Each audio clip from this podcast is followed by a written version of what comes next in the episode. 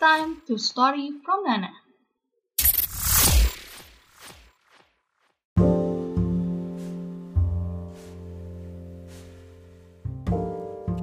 Halo, selamat datang di podcast Story from Nana bareng Nana di sini.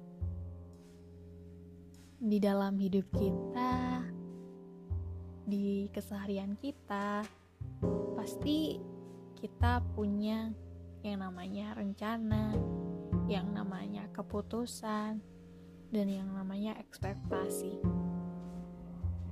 Tapi sering kali ekspektasi, rencana, dan keputusan itu gak berjalan seperti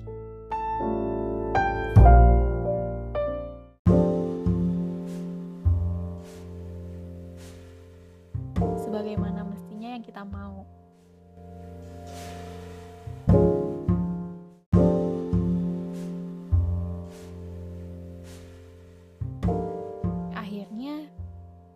Akan ngerasa kecewa.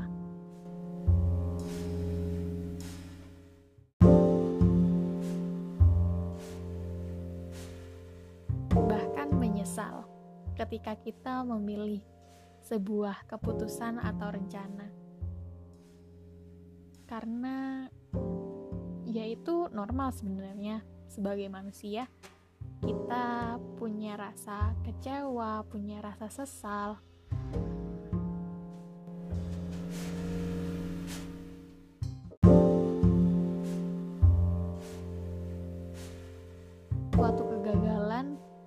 Kesalahan yang mungkin baru kita lihat ketika keputusan, rencana, ataupun ekspektasi itu sudah menuai hasilnya. Contohnya nih, kayak ketika kamu memilih jurusan yang kamu ambil pas mau apply ke perguruan tinggi. Eh ternyata gak keterima. Biasanya tuh menyesal, kenapa sih harus milih jurusan itu?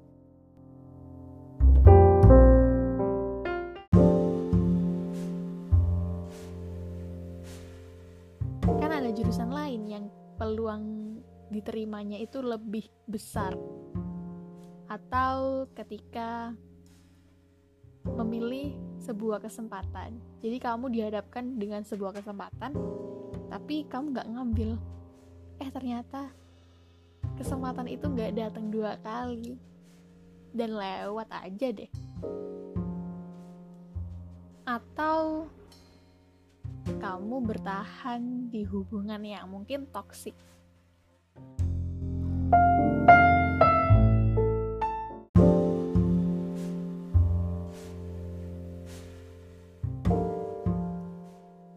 Kamu lebih memilih bertahan karena hubunganmu sudah terjalin cukup lama.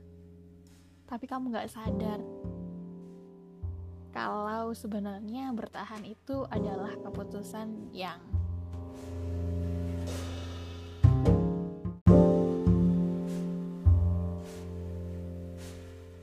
menuai banyak kekecewaan dan penyesalan.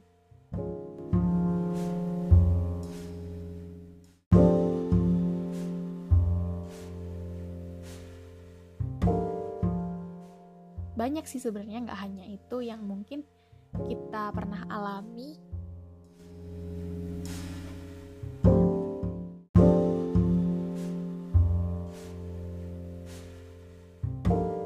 Hal-hal kecil pun juga. Dan akhirnya muncul tuh. Seandainya kalau tadi itu aku gini seandainya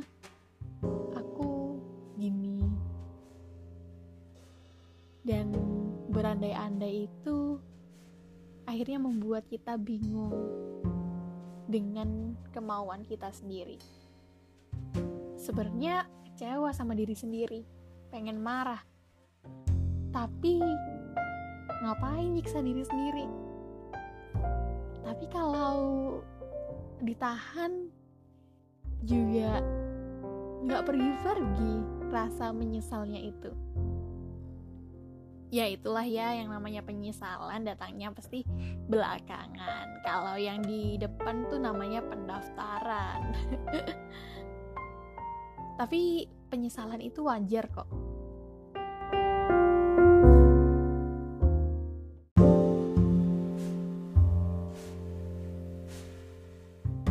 Emang setiap pilihan manusia punya sudut pandang masing-masing. Ada yang memandangnya mungkin dari sudut pandang negatif, ada yang memandangnya dari sudut pandang positif.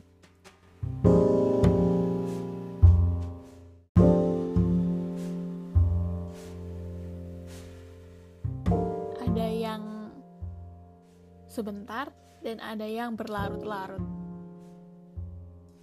Yang parah nih yang berlarut-larut.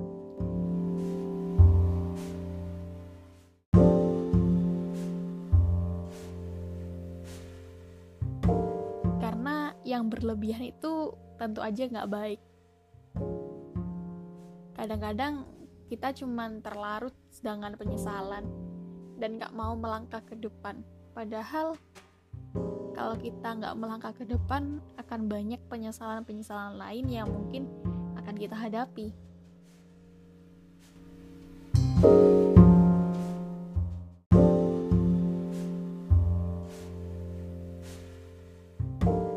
Walaupun penyesalan ini sebenarnya negatif, ada juga dampak positif dari penyesalan. Dari rasa penyesalan, rasa kecewa yang mungkin kita alami karena ekspektasi yang terlalu tinggi terhadap diri kita sendiri, kita terkadang itu nggak sayang sama diri kita sendiri, nggak tahu kemampuan kita sendiri.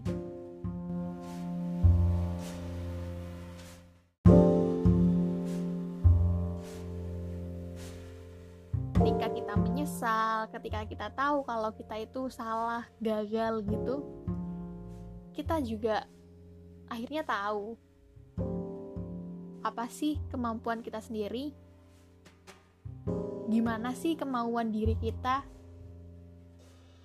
Jadi kita bisa nyingkronin antara kemampuan dan kemauan itu. Dan kita bisa belajar untuk mencintai diri sendiri.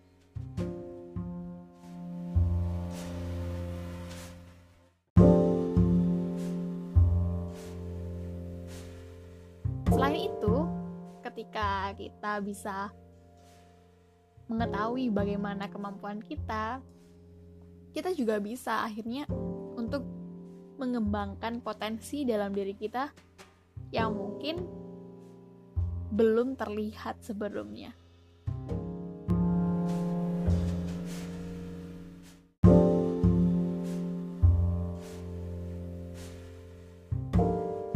Kita udah berpengalaman nih dengan rasa penyesalan ataupun kecewa itu tadi, kita juga bisa mengantisipasi buat nggak terlalu berekspektasi cukup tinggi, buat nggak gegabah kalau lagi ngambil keputusan, dan selalu bijaksana.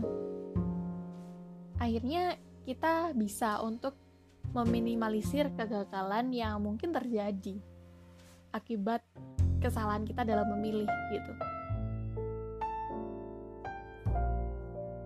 Dan bagusnya lagi, ketika kita sudah pernah menyesal, kita akhirnya capek gitu, nyesel terus, kecewa terus. Dan kita nemuin jalan di mana kita bisa ngurangin rasa penyesalan dan rasa kecewa. Dengan memandang hal-hal itu dari kegagalan maupun keberhasilan dengan sudut pandang yang baru yang mungkin awalnya kita nggak pernah mikirin itu. Tapi setelah kita belajar dengan pengalaman-pengalaman dan kegagalan-kegagalan yang kita alami kita memandang kalau kegagalan itu biasa. Kegagalan itu wajar. Jadi penyesalan itu wajar.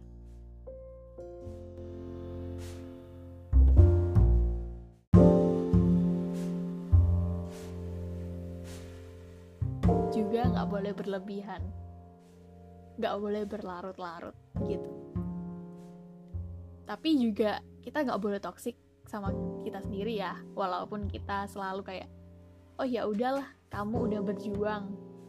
Berarti kemampuanmu cuma segitu. Tapi nanti kita berjuang lagi yuk kita belajar lagi berjuang lagi gitu. Kalau Nana sendiri dulunya juga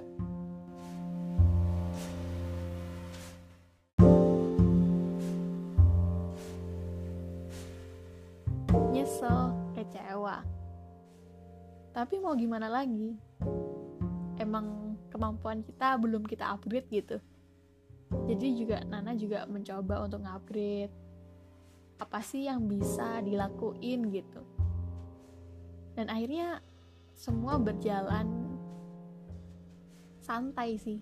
Walaupun Nana nggak melampaui ekspektasi tapi seenggaknya semua berjalan seperti adanya.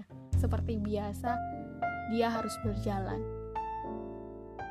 Karena di setiap usaha kita ada takdir yang menyertainya. Jadi dari beberapa tahun yang lalu Nana mulai mulai punya moto gitu kayak hidup itu gak instan dan hidup itu adalah belajar bukan nerima hasil hidup itu selalu belajar ketika kita gagal kita harus segera bangkit lagi walaupun ketika kita gagal itu kita bisa istirahat sebentar, rehat, untuk memikirkan kembali.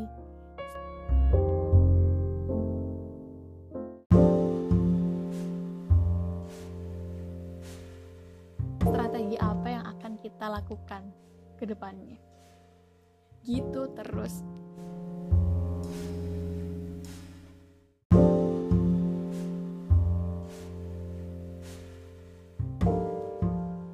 Gitu. Hidup itu nggak lurus-lurus aja.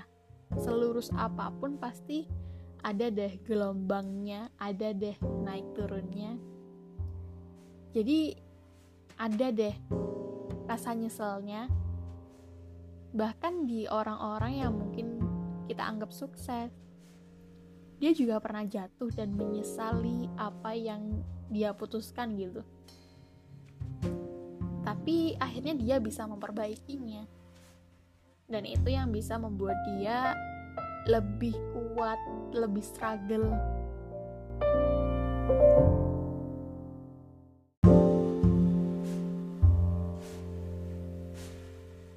Dan lebih bisa untuk menghadapi dunia ini. So hidup itu cuma sekali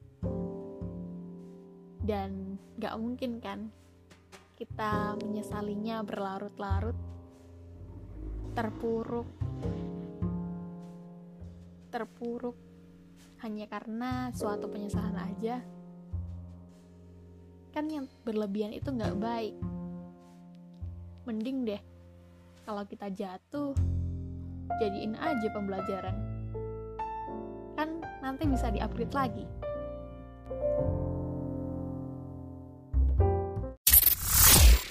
time to story from Nana.